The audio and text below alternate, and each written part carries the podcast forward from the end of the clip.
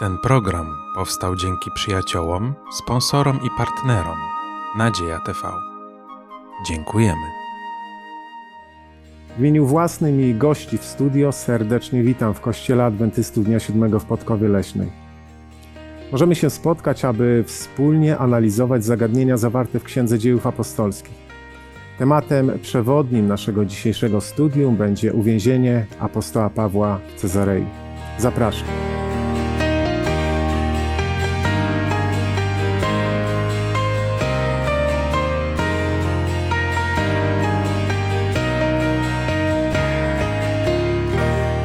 Razem ze mną w studiu dzisiejszym będą uczestniczyli Ewa, Maksymilian, Julian. Ja mam na imię Grzegorz. Oczywiście jesteśmy przekonani, że wśród nas jest wielki, wszechpotężny Bóg. Chcemy Jemu podziękować za obecność i prosić o Jego szczególne prowadzenie w modlitwie z Ewą. Bardzo proszę. Nasz umiłowany Ojcze w niebie, Dziękujemy Tobie za ten czas, który możemy spędzić przy Twoim słowie. Pragniemy Ci oddać cześć i chwałę. Pragniemy, Panie, abyś prowadził nas swoim Duchem Świętym. Dawaj nam właściwe myśli, abyśmy pochylając się nad Twoim słowem mogli je zrozumieć i właściwie zastosować w swoim życiu, aby ono było błogosławieństwem dla nas i dla tych, którzy nas otaczają. Prosimy o dobry czas na to studium. W imieniu Jezusa. Amen. Amen. Amen. Moi drodzy, przede wszystkim dziękuję za Waszą chęć dyskusji, porozmawiania nad fragmentami Księgi Dziejów Apostolskich, szczególnie zawartych w rozdziale 24 po 26, opisujących wydarzenia z doświadczenia apostoła Pawła, z jego życia, kiedy został uwięziony. Będziemy mówili, w jaki sposób Życie apostoła Pawła przed podróżą do Rzymu, gdzie również przebywał pewien okres czasu, gdzie został skazany i w końcu poniósł śmierć, jak to życie tuż przed przebiegało. Nasza nasze te- nasz temat, nasze zagadnienie, które dzisiaj poruszamy, jest przedostatnim z naszego, w naszym kwartale zagadnienia, którym chcemy, jakby mówiąc o życiu apostoła Pawła, również spojrzeć na Księgę Dziejów Apostolskich nie tylko jako sprawozdanie o życiu, doświadczeniach pierwszego Kościoła, ale także na doświadczenia jednostek. I w tym wypadku ten temat jest poświęcony szczególnie e, życiu apostoła Pawła.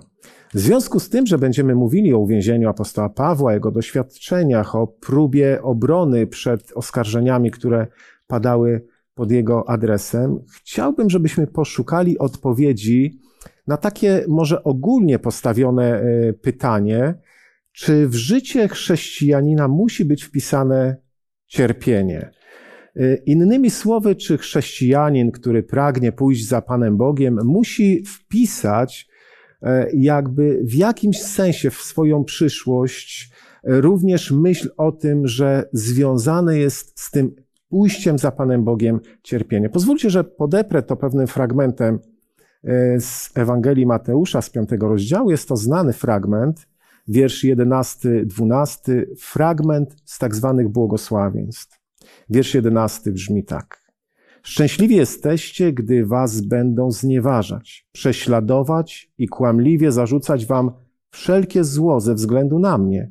Cieszcie się, radujcie niezmiernie, bo w niebie czeka was wielka zapłata. Podobnie prześladowano proroków, którzy byli przed wami. Jak jest z tym cierpieniem? Jak wam się wydaje, czy każdy chrześcijanin przechodzi przez takie próby cierpienia, jakie miały miejsce w życiu apostoła Pawła? Ja myślę, że cierpienie jest wpisane w życie każdego człowieka na tym grzesznym świecie. Od chwili narodzenia już są problemy, kiedy wyżynają się ząbki u dziecka małego. Później różne rzeczy zdarzają się w życiu. No a jeśli człowiek żyje dłużej w starszym wieku, to jest normalne, że zawodzi wzrok, słuch i tak dalej. I chyba podobnie jest w życiu chrześcijańskim.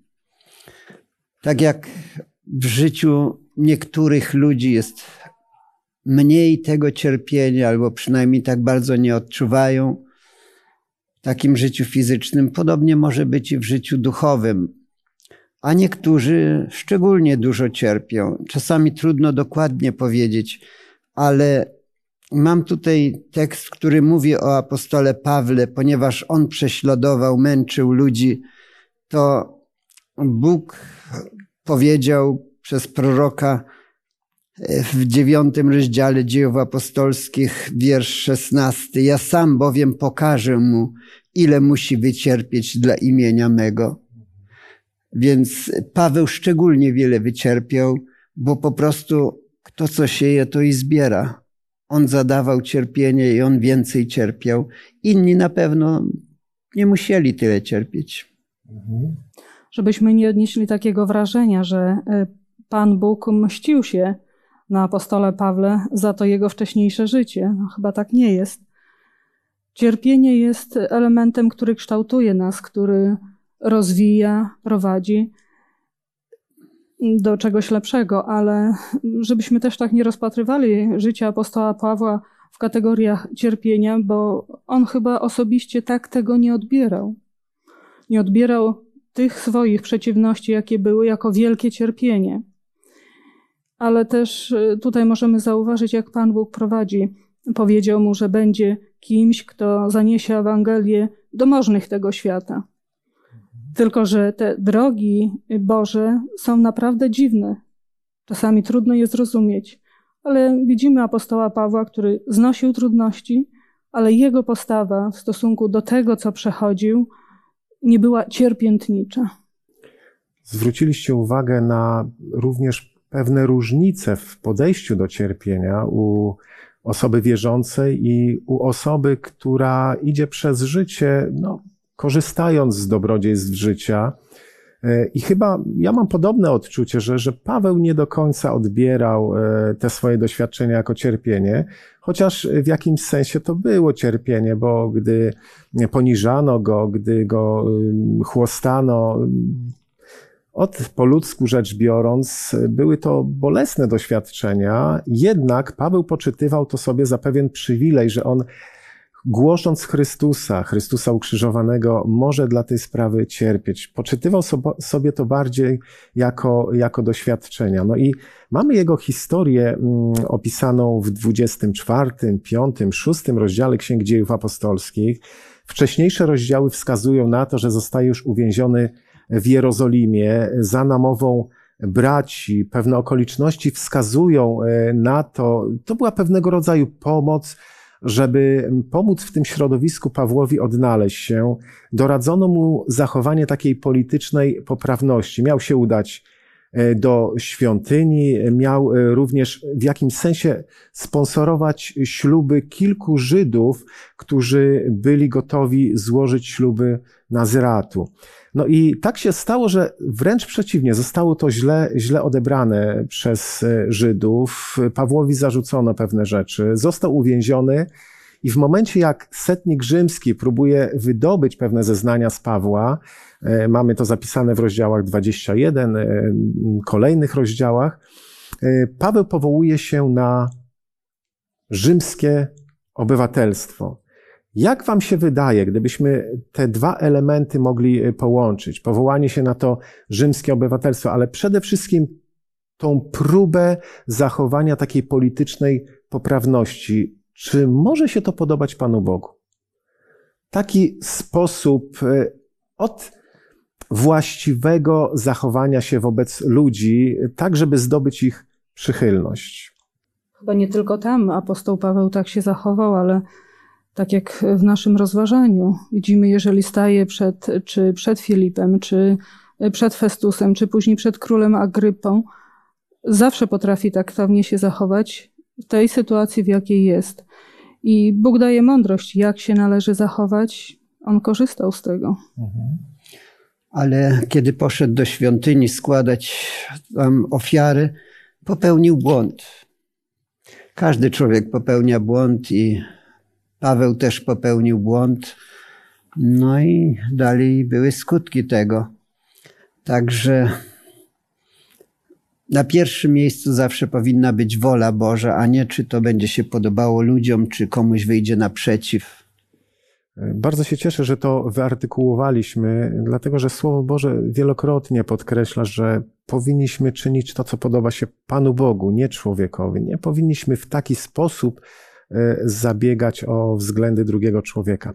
Ale wracając do apostoła Pawła, e, na skutek pewnych e, zamieszek, zawirowań w Jerozolimie, Paweł zostaje przeniesiony do Cezarei. Tu może gwoli przypomnienia, Cezarea została założona w IV wieku przez Fenicjan, później w latach dwudziestych przed naszą erą Herod Wielki rozbudowuje to miasto. Tam właśnie Korneliusz został przez Piotra ochrzczony, no i tam Paweł zostaje zabrany. E, wcześniej powołał się na obywatelstwo rzymskie. Jak wam się wydaje, czy powołanie się na obywatelstwo rzymskie było właściwe? korzystał ze swoich praw, jakie miał, bo tak jak widzimy sytuację wcześniej, po prostu już wtedy mógł zginąć. Odwołał się. Widzimy, że to jego odwołanie się przynosi taki skutek. To, co mu Bóg zapowiedział, staje przed możnymi. Ja myślę, że możemy korzystać z praw, które daje nam e, władza w danym kraju, nie nadużywać jej, Czasami można zrezygnować, ale nie ma nic w tym złego, jeśli korzystamy z prawa, które zostało nam dane. Mhm. Z takiego prawa skorzystał apostoł Paweł, staje przed Feliksem. E, I zastanawiające może być tylko to, ja wielokrotnie czytałem ten fragment Słowa Bożego i rozmyślałem nad tym, dlaczego Żydom tak bardzo zależało na zgładzeniu Pawła. To był człowiek, który swego czasu prześladował Kościół Boży był znany w Jerozolimie, no i w pewnym momencie jest w grupie osób prześladowanych. Jak wam się wydaje, dlaczego tym ludziom tak bardzo zależało na zgładzeniu Pawła? Bowiem zawsze jest tak, że po wielkiej miłości jest wielka nienawiść. Był, Paweł był dla nich e, wielkim działaczem, e, z którym pokładali sobie nadzieję na przyszłość, a teraz on zmienił i zaczął e, działać w odwrotnym kierunku, i stąd mm, ta nienawiść powstała i była ta nienawiść zaciekła. Mhm, dziękuję. Musimy też pamiętać, że Paweł był wielkim ewangelistą i e, to on zakładał zbory w różnych krajach pogańskich.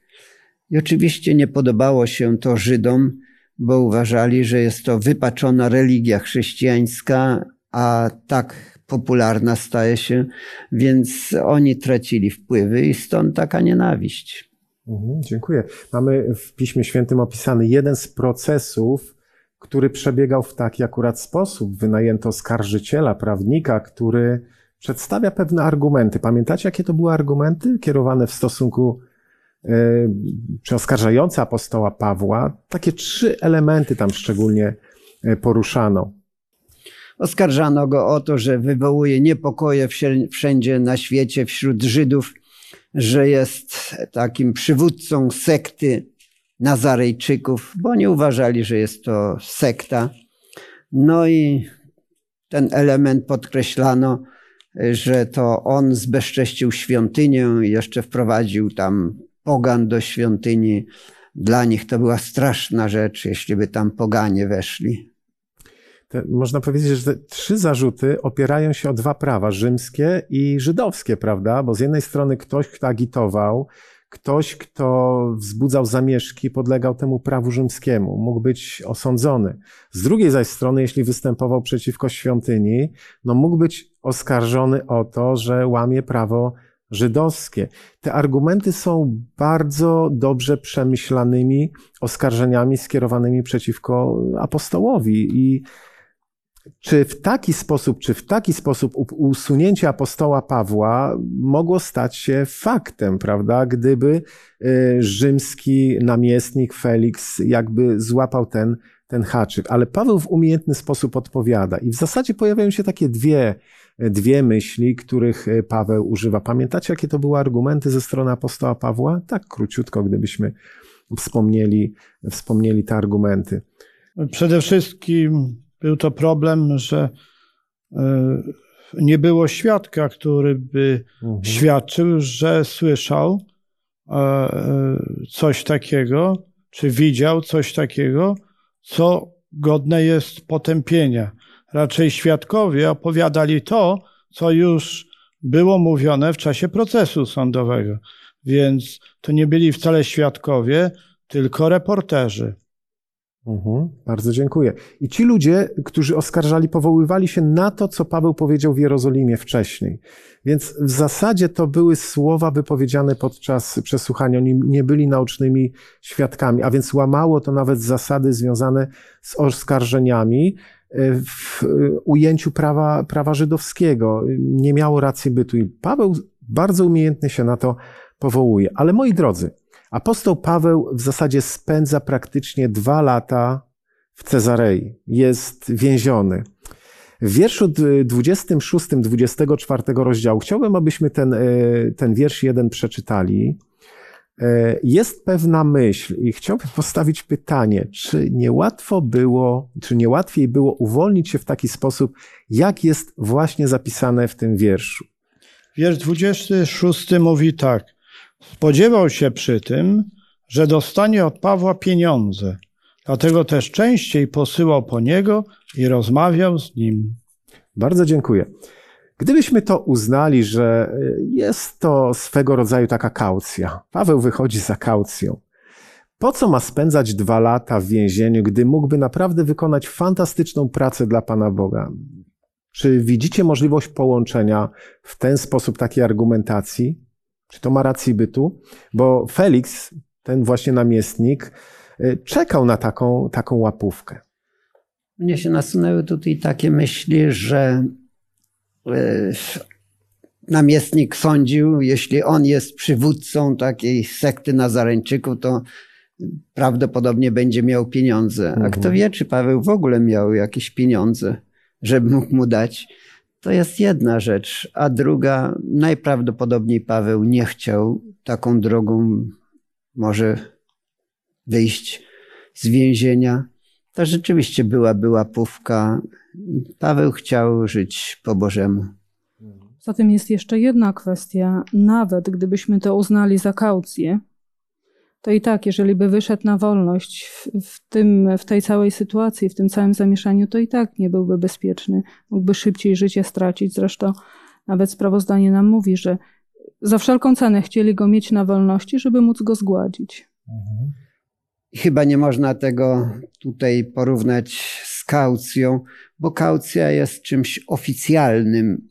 Natomiast tutaj prawdopodobnie on spodziewał się, że gdzieś tam po cichu dostanie od Pawła jakieś pieniądze. E, I to byłoby przekupstwo. I Paweł na to nie poszedł. Mhm. Dziękuję za te myśli. A jak Wam się wydaje, gdybyśmy mieli e, przenieść to znowu na dzisiejsze czasy? Czy nie wydaje Wam się, że czasami są takie drobiazgi, nad którymi za długo się zatrzymujemy, zastanawiamy? Jaka postawa dzisiaj powinna towarzyszyć takiemu prawdziwemu naśladowcy y, Pana Boga? Znajdujemy się w różnych sytuacjach. y, Przychodzi nam ponieść jakieś konsekwencje. Czy warto być sprawiedliwym, wiernym zawsze, tak jak apostoł Paweł? E, Nie myśleć nawet o takich sposobach załatwienia sprawy.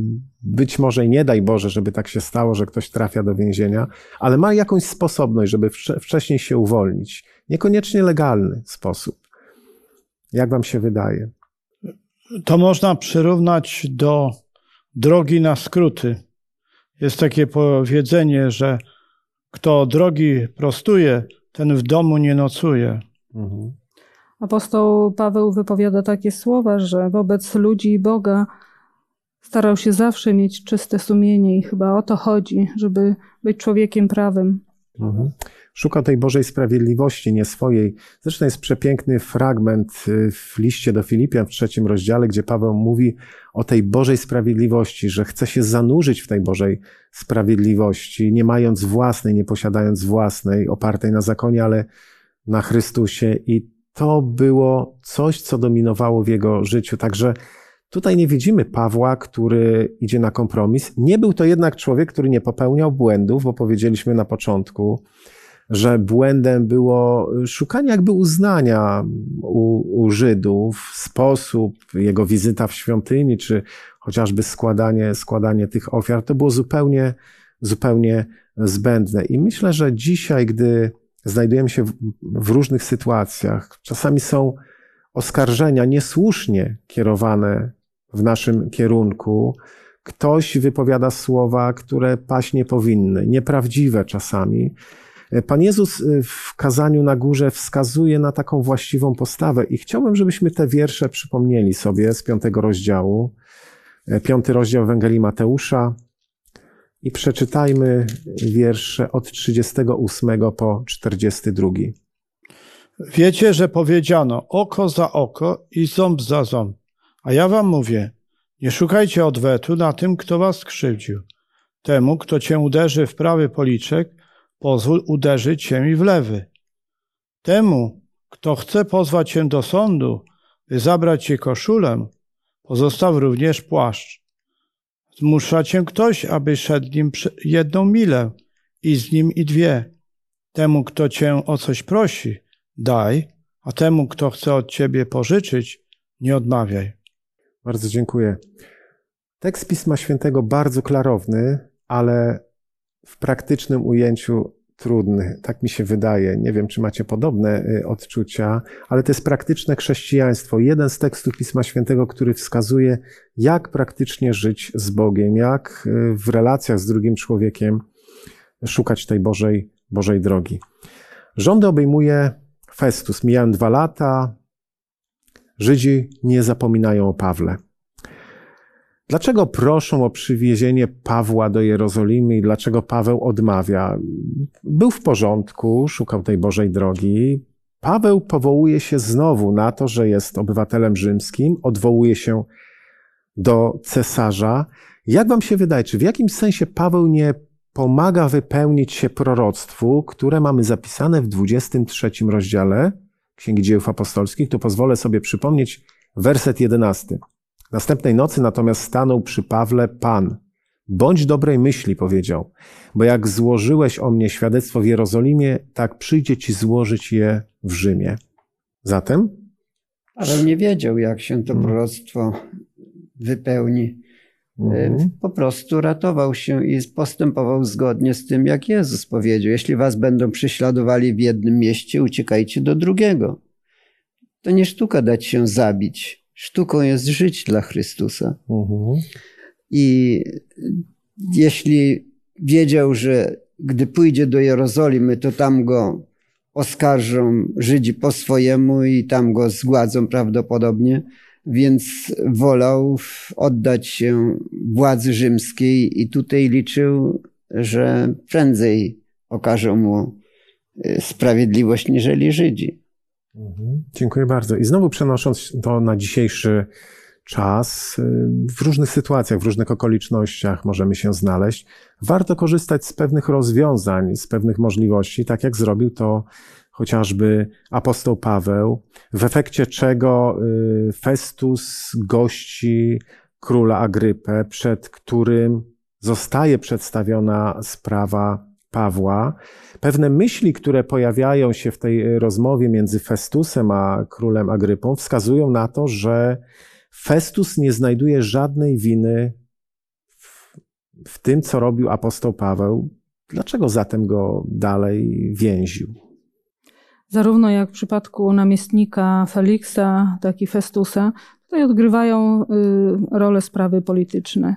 Chce się przypodobać Żydom, jest na ich terenie, jest namiestnikiem tego terenu, takim prokuratorem, zarządza tą administracją rzymską i chce mieć jakieś dobre układy, żeby jednak y, no, dobrze rządzić, żeby też jakaś pomyślność dla tych jego rządów była.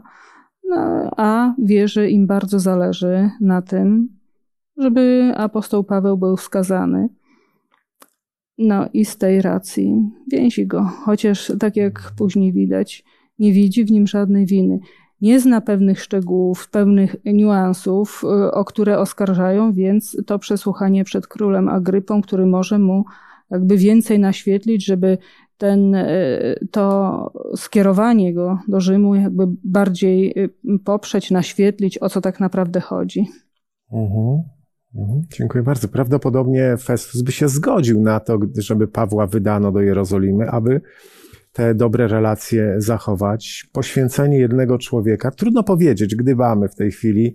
Ja mam takie, takie odczucie, ponieważ przebieg tych wydarzeń wskazuje, wskazuje na to, że y, rzeczywiście, gdyby Paweł nie odwołał się do cesarza, trudno powiedzieć, jakby to się dalej potoczyło. Sam fakt, że dwa lata spędza tam więziony, szukane są różne możliwości, różne rozwiązania. Zastanawia jednak przy tej okazji, przy, przy wizycie króla Agrypy, tej e, rozmowy między Festusem a, a królem Agrypą, fakt ponownego jakby przesłuchania apostoła Pawła, pozwolenia mu na przedstawienia pewnych argumentów. I mam do Was takie pytanie, ponieważ sobie takie pytanie postawiłem, analizując te właśnie rozdziały. E, jak myślicie, dlaczego ponownie nie wyzwano oskarżycieli apostoła Pawła? Paweł staje przed królem Agrypą, jest Festus. Ma prawo, aby przedstawić swój sposób widzenia pewnych kwestii, przedstawiać, jak, jak to w jego odczuciu miało miejsce, e, dlaczego się tu znajduje, co czyni w swoim życiu. I Paweł zwraca na to uwagę, uwagę ale nie wezwano ponownie oskarżycieli Pawła. Czy ci przywódcy byli bardziej przekonani, że mm, ta racja spoczywa po stronie Pawła? Co mogło być przyczyną? Znaczy, to już mówiliśmy chyba częściowo, że y, zarówno Felix, później Festus, y, słuchając tego, co apostoł Paweł mówił, sposobu, w jaki mówił, wierzą mu. Widzą, że to jest człowiek niewinny i ciągle pojawiają się te słowa, że gdyby nie odwołał się do cesarza, można by go było uwolnić. Także mhm. Y, widzą, że no coś jest na rzeczy. Mhm. Kochani, dziwne pytanie. Zanim e, wrócimy znowu do apostoła Pawła, wyobraźcie sobie, że stoicie przed e, takim właśnie sądem. Jest namiestnik, jest król. Macie wygłosić obronę. O czym mówicie? Podczas takiej obrony. O swojej niewinności. E, mówicie o tym, że powinniście być uwolnieni. Może zostawmy to bez komentarza, bo też nie wiem, co bym powiedział w takich okolicznościach. Teraz, gdy e, mamy świadomość tego, że jedynie zakładamy e, taki scenariusz, myśli mogą przychodzić różne. Rzeczywistość, gdyby stała się w naszym życiu i gdyby miała miejsce, może ta mowa byłaby zupełnie inna. Jak przebiegała ta obrona Pawła? O czym Paweł mówi w tej swojej obronie? Jego obrona dąży do tego, żeby e, Oczywiście po, po pewnych faktach z jego życia, po przedstawieniu życia, jak to jego życie wyglądało, do tego, aby przedstawić Jezusa Chrystusa. Mhm. Do tego zdąża. I faktycznie ten e, fragment z, z 26 rozdziału, 29 werset, który jest y, jakby temat, tekstem przewodnim naszego rozważenia. Dziękowałbym Bogu, gdyby niedługo czy długo nie tylko Ty, ale i wszyscy, którzy mnie dziś słuchają, stali się takimi, jakim ja jestem, pominąwszy te więzy. Mhm. No niesamowite w takiej sytuacji to, co powiedziałeś, w takich okolicznościach. Widzimy, że w jakiś taki dramatyczny sposób nie chwyta się tego, żeby być uwolnionym tylko w tych okolicznościach, w jakich jest, myśli o zbawieniu tych ludzi. To jest niesamowita postawa i to, co wcześniej już mówiliśmy o tym cierpieniu. Nawet tutaj widać w jaki sposób, że nie jest to ta cierpiętnicza postawa, mhm. tylko widać, że naprawdę jest takim człowiekiem Bożym, mhm. że Chrystus działa w jego życiu. Mhm. Ewa, fantastyczną rzecz poruszyłeś. Staje zwycięzca, niepokonany człowiek, nie więzień przed tymi przywódcami. On mówi o Chrystusie. Ja zwyciężyłem w życiu, ja y, odniosłem pewien sukces, Chrystus mnie pozyskał, mam w nim przyjaciela. Tak można sparafrazować tę, e, tę obronę. Apostoł Paweł nie boi się przyznać do błędu. On mówi, że prześladował Kościół Boży. Mówi, że szukał tej Bożej drogi. W innych fragmentach Słowa Bożego wskazuje, wskazuje na to również i on wręcz krzyczy, jestem pierwszym wśród grzeszników. Ja jestem tym, który niszczył ten Kościół. I tu mówi o Chrystusie. I tak myślę sobie, jak mogłaby wyglądać moja obrona w takiej sytuacji, w takich okolicznościach? Dałby Bóg, żeby tak samo. Paweł był naprawdę zwycięzcą. Staje człowiek w kajdanach przed przywódcami i on mówi, że zwyciężył w Chrystusie. Jakby daje do zrozumienia, chociaż zabierzecie mi to życie, to to jest nieważne. Ja zwyciężyłem, bo mam Chrystusa. I zaraża tą myślą e, tych przywódców. W pewnym momencie pada ciekawe pytanie. Zanim to pytanie e, przeczytamy czy przypomnimy, pozwólcie na pewien fragment z Księgi Dzieł Apostolskich, ponieważ zastanawiam się, czemu w tej sytuacji, w tych okolicznościach, w jakich znalazł się apostoł Paweł, a jak wspomniałem, było to ponad dwa lata, Paweł spędza tam e, czas, a był tym niesamowitym narzędziem w rękach Bożych. Dlaczego Pan Bóg nie postąpił podobnie jak innej sytuacji. W piątym rozdziale Księgi Dziejów Apostolskich mamy pewną historię opisaną. Od wiersza 23 przeczytam po 25. Więzienie znaleźliśmy zamknięte z całą starannością. Strażnicy stali przy bramach, ale po otwarciu nikogo wewnątrz nie znaleźliśmy. Gdy dowódca Straży Świątynnej oraz arcykapłani usłyszeli te słowa, wpadli w zakłopotanie. Nie mieli pewności, co się stało z więźniami. Wtem ktoś przybył i doniósł: Ludzie, których osadziliście w więzieniu, są w świątyni, stoją tam i nauczają lud. Wówczas dowódca Straży Świątynnej udał się tam wraz z podwładnymi i sprowadził ich bez użycia siły. Obawiali się bowiem, aby ich lud nie ukamienował. Bóg uwalnia apostołów, głoszą dalej Ewangelię.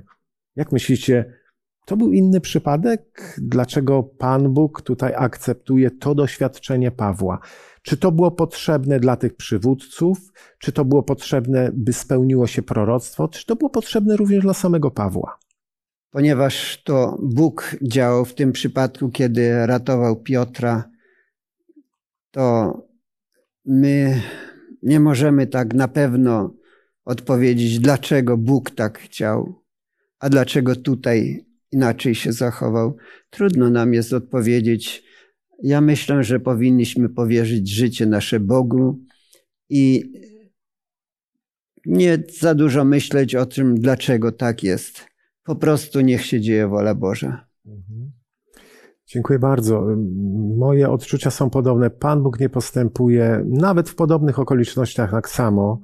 Mam wrażenie, przepraszam, może, może pobłądzę w tym, co, w tym, co powiem, ale jeśli jeśli ktoś potrafi przewidzieć działania Boże, to wydaje mi się, że nie do końca zna Pana Boga. E, tutaj była, można powiedzieć, podobna sytuacja, bardzo podobna, ale apostoł Paweł miał ten czas spędzić w więzieniu. Trudno powiedzieć, może to było potrzebne dla apostoła Pawła, kiedyś się tego dowiemy. Może Paweł miał złożyć odpowiednie świadectwo i to proroctwo, które miało się spełnić, również było istotne. Dobrze, że o tym mówimy, ponieważ dzisiaj bardzo wielu ludzi próbuje tłumaczyć Pana Boga albo skarżać Pana Boga o różne rzeczy. Czasami widzimy na miejscu, gdzie ktoś stracił życie, informację, że tak chciał Bóg. Chyba, chyba nie do końca rozumiemy te Boże drogi i możemy stwierdzić, że tak Bóg, tak Bóg chciał. Tak jak wspomniałem, czasami Boga tłumaczymy, czasami Go oskarżamy o różne rzeczy. Wydaje się to niewłaściwe, tak jak tutaj próbowalibyśmy dokonać oceny, dlaczego w tym wypadku Pan Bóg tak postąpił, a w przypadku apostoła Pawła zupełnie inaczej. Proszę bardzo. Też należy zauważyć, że apostoł Paweł, znając y, tamtą historię, nie postępuje teraz taką nonszalancją, mhm. że tak, będę uwolniony, więc tak sobie na luzie jestem w tym więzieniu. Mhm. Nie, nie było czegoś takiego, chociaż widzimy, jaka jest jego postawa, jak zwraca się do króla Agrypy, e, werset 27-26 rozdziału. Czy wierzysz królu Agryppo prorokom? Wiem, że wierzysz. A mi się wydaje to niesamowite. On rozmawia z takim władcą i w taki sposób, to byśmy powiedzieli, że może wręcz niegrzecznie, ale zobaczmy, y, to chyba nie o to chodziło, zobaczmy, jak y, musieli być ci, którzy go słuchali, pod jakim wrażeniem, że nawet dopuścili do takiego momentu, że mógł się w taki sposób zwrócić. Mhm. Także naprawdę byli pod wrażeniem tego, w jaki sposób zachowywał się, co mówił, y, co sobą reprezentował, chociaż tutaj była, był niesamowity kontrast y, Agrypa ze swoją siostrą, w pełni przepychu, pełni dumy, a ktoś w tych więziennych ubraniach skuty staje przed nimi. I, I tak naprawdę, jeżeli mówimy o tym w tym sensie takim duchowym, to on jest człowiekiem wolnym. Tak naprawdę w tym momencie. Mhm, mhm.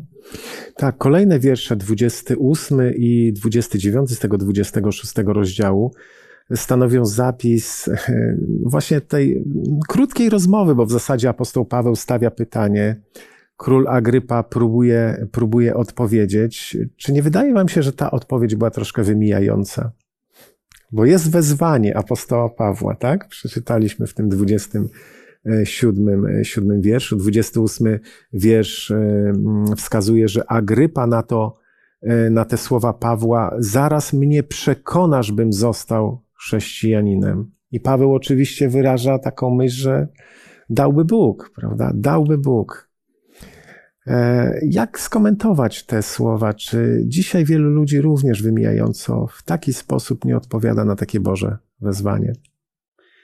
Zapewne jest wielu ludzi, którzy są poruszeni przez Słowo Boże, ale nie idą drogą Bożą, szukają jakiegoś wykrętu, i tak samo ten mówi, bo mnie przekonasz, że zostanę chrześcijaninem, uważaj. No to taki trochę jakby żart.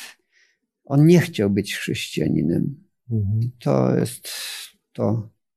Wydaje mi się, że widać tutaj, że dotarło to do serca króla e, Agrypy. Jednak to jest jedno, a podjąć pewne decyzje i tak do góry wywrócić swoje życie, to jest druga kwestia, bo wywróciłoby mu się wszystko. To, mhm. co kochał, co lubił, co, co cenił i nie mógł sobie dopuścić, ale widać, że zadziałało to na niego. Mhm. Próbuję wyobrazić sobie tę scenę. Agrypa z siostrą, Festus, może jeszcze jacyś urzędnicy na podwyższeniu na tronie Przyprowadzony zostaje skazaniec w kajdanach, Paweł, który zaczyna przemawiać. Oni patrzą z pozycji władców, przywódców na człowieka więzionego. I mamy Pawła, który przemawia w niesamowity sposób. Mówi o Bogu, o Chrystusie. I w zasadzie, patrząc z tej duchowej strony, Bóg poprzez Pawła pomaga mu poczuć ten wiatr zwycięstwa. Prawda? To powiedzieliśmy już to. Król nie potrafi odpowiedzieć na zadane, postawione pytanie, gdzieś gubi się w tym i tylko stwierdza, że zaraz mnie przekonasz, żebym został, został chrześcijaninem. Człowiek, który przyprowadzony jest jako skazaniec, fizycznie rzecz biorąc, odnosi w Bogu zwycięstwo, ponieważ Boga postawił, postawił na pierwszym miejscu. I moi drodzy, kończymy powoli nasze studium, ale chciałbym, abyśmy również tak jak rozpoczęliśmy, E, zakończyli pewnym pytaniem, które stanowi znowu takie przeniesienie na czas, e, czasy współczesne. Postawa apostoła Pawła wskazuje na szukanie pewnych rozwiązań, które funkcjonowały, chociażby biorąc pod uwagę pewne prawa, które, z których można było korzystać. Powołuje się na obywatelstwo rzymskie. Postawa, jest Jezu, postawa Jezusa jest zupełnie inna. Przyjmuje z pokorą wszystko, co niesie los, przyjmuje ten ciężar na siebie. Nie, chciał, nie chciałbym, abyśmy postawili jedną postawę przeciw drugiej, abyśmy określali czy próbowali wybrać, która postawa jest właściwa, bo pewnie dwie są właściwe. Ale jak w waszym odczuciu chrześcijanin powinien szukać tej mądrości? Bo zgodzicie się pewnie, że czasami powinniśmy przyjąć postawę apostoła Pawła, a czasami postawę Jezusa, taką właśnie milczącą.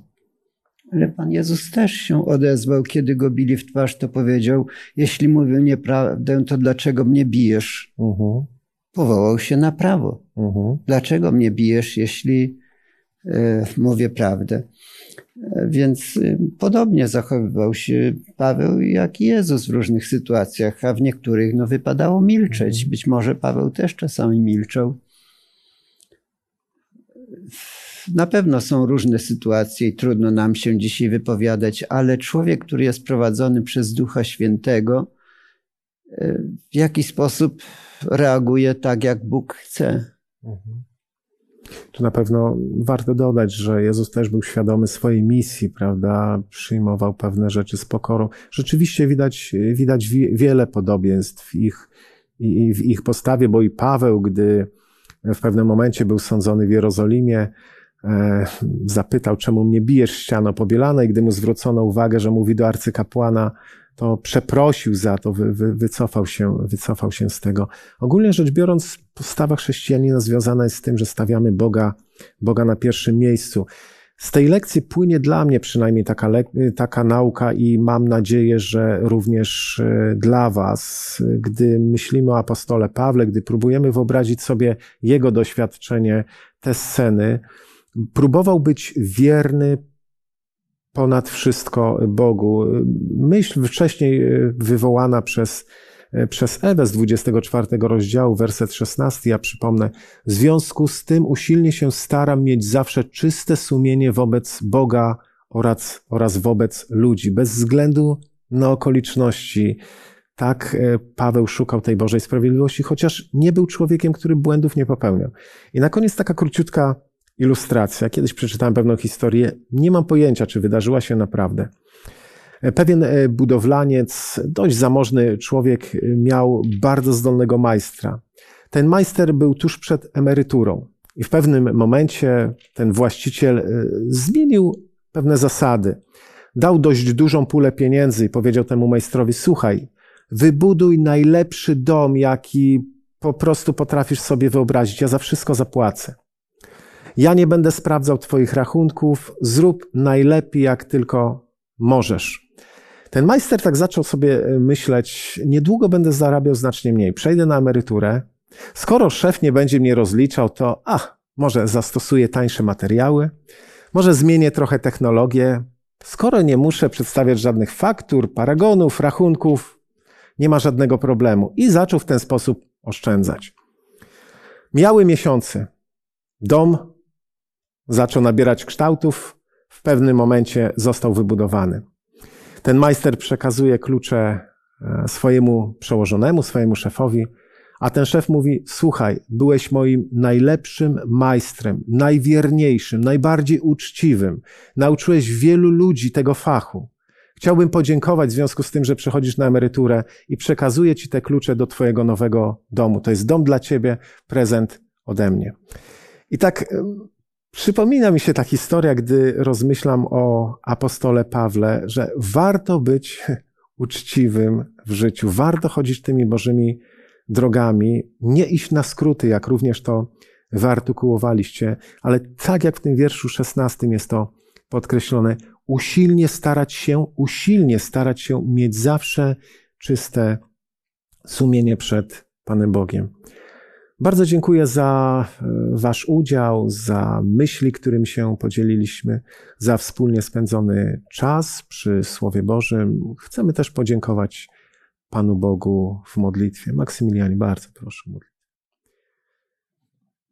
Niebiański Ojcze, dziękujemy Tobie, że mogliśmy przestudiować ten fragment dziejów apostoła Pawła fragment mówiący o jego przebywaniu w więzieniu, a także uczestnictwu w przewodach sądowych, które toczyły się w jego sprawie.